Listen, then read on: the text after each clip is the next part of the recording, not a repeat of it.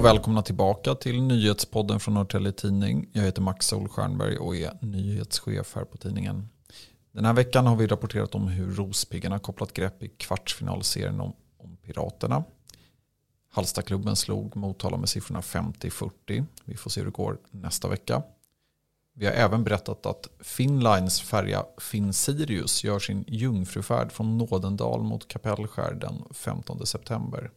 Men nu så ska vi tala om det som på senare år tveklöst är det största sexualbrottsfallet i Roslagen. Ja, alltså man ska ju akta sig för att tala om rekord eller att någon är värst när det kommer till brott. Och för varje brott av den här typen den innebär en oerhörd smärta för offer men också för anhöriga och ibland faktiskt hela samhällen.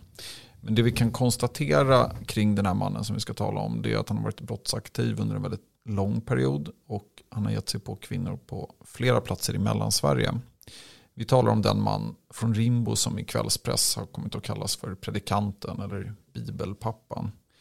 Han dömdes till fem år och fyra månaders fängelse för grov våldtäkt, grovt sexuellt övergrepp och sju fall av sexuellt ofredande mot nio olika kvinnor. Vi har ju tidigare pratat om det som vi har på tidningen kallar för Rimbomannen och Eh, det gjorde vi i november i fjol. Då var Victoria Sid och Linus Kjell Magnusson här i poddstudion och berättade bland annat om den polisutredning som ligger till grund för de här, den här domen. Eh, vi kunde också berätta en hel del om den här mannens dubbelliv. Och för den som vill lyssna tillbaka så är det poddavsnitt 28. Eh, och med mig här i studion så har jag reporter Linus Kjell Magnusson. Och Linus, alltså det har hänt en del sedan vi satt här i studion för ja, snart ett år sedan. Vad är det som har hänt? Ja, men I oktober förra året så häktades mannen på sannolika skäl misstänkt för tre fall av våldtäkt och två fall av misshandel. Och det handlar om en så kallad villkorad häckning. Vilket innebär att mannen formellt inte är frihetsberövad i målet. Men han avtjänar ju redan sedan tidigare ett längre fängelsestraff. Då på fem år och fyra månader som du har varit inne på. Och eh, det som sker därefter är väl att två veckor senare så häver tingsrätten den här häckningen. Och det handlar ju bland annat om att ett av de här våldtäktsfallen där har preskriptionstiden gått ut. Och eh, då anser man att det inte finns skäl att, eh, att han ska vara villkorat häktad eftersom han ändå är frihetsberövad sedan tidigare. Och sedan dess har det varit eh, rätt tyst kring utredningen. Men jag pratade där igår med åklagare Henrik Stjernblad som då meddelar att utredningen börjar bli klar. Mm. Och när du säger igår så vi spelar in idag onsdag den 23 och ni som lyssnar kommer få höra det här eh, framåt helgen förmodar jag. Eh, bara så att vi är tydliga med den biten. Men berätta, eh, vad, vad vet vi om den här mannens inställning till de här misstankarna? Eh, när vi rapporterar om eh, den här häckningen i oktober så pratade jag med eh, mannens advokat Hanna Lindblom som då eh, sa att eh, han erkände två fall av våldtäkt och ett fall av misshandel. Men nu precis här innan vi eh, skulle spela in den här podden så tittade jag tillbaks lite på de Eh, handlingar som vi har fått från domstolen och eh, där framgår det då att han fortfarande erkänner två fall av våldtäkt men att hans inställning till de här eh, två fallen av misshandel att hans inställning där är oklar. Mm. Och eh, det man kan säga så här för de som inte följer eh, kriminaljournalistik Eh, jätteaktivt eh, så är det ju här fortfarande för oss på ett väldigt tidigt stadium. Det har inte nått åtal i det här avseendet, alltså de här nya misstankarna. Eh, det är helt enkelt lite svårt för oss att utröna vad som är vad men vi vet ju att till exempel den våldtäkt som han initialt misstänktes för i Västerås eh, den inte längre med i det åtalet om jag har förstått saken rätt, eller hur? Ja, det stämmer. Sen ska ja. vi väl också tillägga det att de handlingar som vi har tagit del av från domstolen är ju sedan oktober förra året så att hans mm. inställning till brotten kan ju ha ändrats och sen kan det vara så att han kanske erkänner eh, gärningen men har en annan syn på hur åklagaren kanske rubricerar handlingen. Just det, och det där är en, närmast en klassiker får man säga i eh, ja, egentligen i alla brottmål. Nu, man talar mycket om folk som säger inga kommentarer men eh, det är ju väldigt, väldigt vanligt med att man har en lite snarlik beskrivning av ett förlopp. Och i sexualmål är det helt centralt till exempel för att eh, samma handlingar kan då uppfattas radikalt olika och det är då upp till rätten att ta ställning till vad som är vad. Hej, Ulf Kristersson här. På många sätt är det en mörk tid vi lever i. Men nu tar vi ett stort steg för att göra Sverige till en tryggare och säkrare plats. Sverige är nu medlem i Nato. En för alla, alla för en. Har du också valt att bli egen? Då är det viktigt att skaffa en bra företagsförsäkring. Hos oss är alla småföretag stora och inga frågor för små. Swedeas företagsförsäkring är anpassad för mindre företag och täcker även sånt som din hemförsäkring inte täcker. Gå in på swedea.se företag och jämför själv. Men vi tittar ju på de här eh, misstankarna och berättade om dem i fjol. Eh, och eh, det var ju väldigt, väldigt länge sedan ska sägas. Eh, I sådana här mål så brukar vi ju se åtal och rent av fällande domar inom eh, ja, i alla fall ett kvartal eller sådär. Eh, varför dröjer det här? Bra fråga. Minns när jag pratade med Henrik Stjernblad där i oktober så var han ju väldigt säker på att han skulle väcka åtal under hösten, alltså förra mm. hösten. Och att utredningen inte skulle ta särskilt lång tid. Eh, sedan varför den här utredningen har tagit så lång tid, det har jag inget riktigt bra svar på. Men eh, tittar man lite på ärendet så sitter ju som sagt den här mannen redan frihetsberövad och avtjänar ett längre fängelsestraff.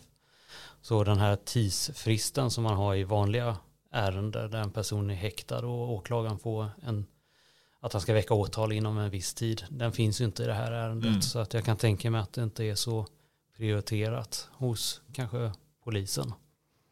Nej, ja, precis. Där, för där jobbar de ju alltid en kamp mot klockan om, om man vet att det är en person som sitter häktad. Och ja, eh, det är ju ibland som vi till exempel skriver efter att en person har släppts från häkte så får man ju också, de har ju rätt till ersättning såklart och då finns det ju en dimension i det utöver då det eh, potentiella lidande och så som kan uppstå om man eh, sitter felaktigt häktad exempelvis. Så den kampen mot klockan får man ju säga, säga var nästan borta. Men det finns ju andra personer som väntar och då tänker jag framförallt på offret och där har vi ju frågor helt enkelt till åklagaren och kommer fortsätta ställa frågor för man undrar ju eh, hur det kommer sig att det tar sån tid. Det här är ju ett väldigt, väldigt känsligt fall.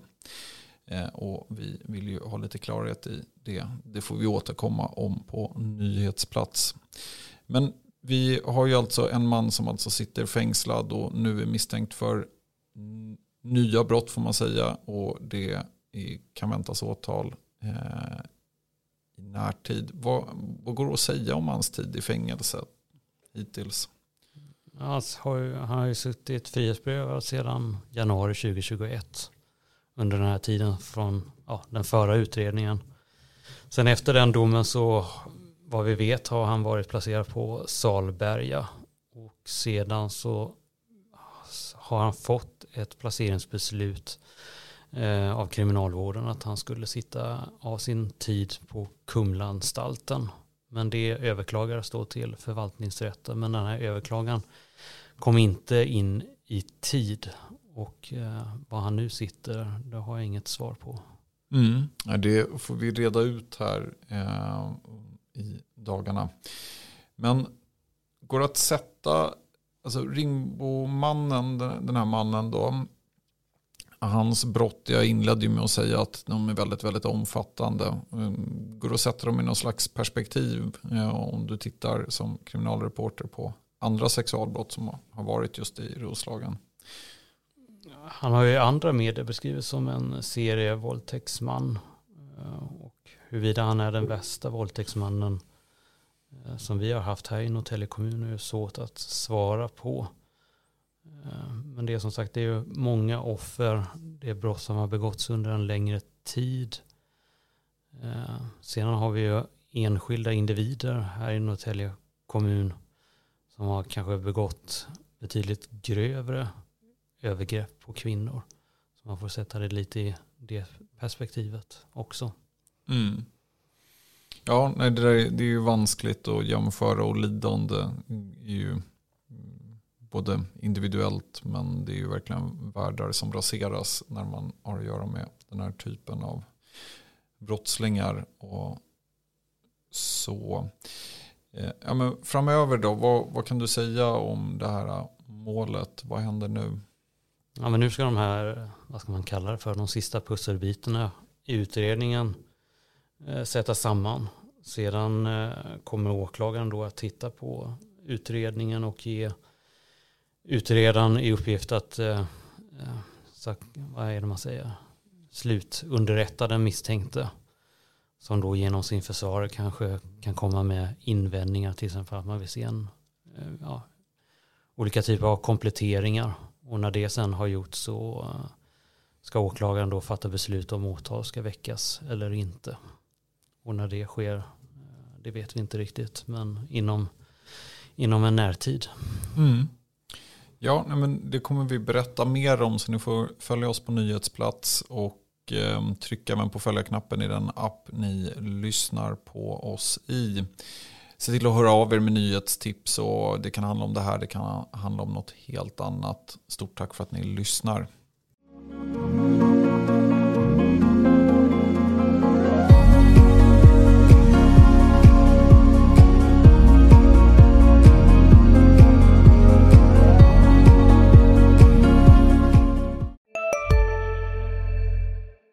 Hej, Synoptik här.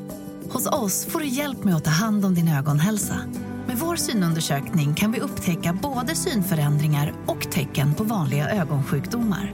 Boka tid på synoptik.se. Hej, Susanne Axel här. När du gör som jag och listar dig på en av Krys vårdcentraler får du en fast läkarkontakt som kan din sjukdomshistoria. Du får träffa erfarna specialister, tillgång till lättakuten och så kan du chatta med vårdpersonalen. Så gör ditt viktigaste val idag, lista dig hos Kry.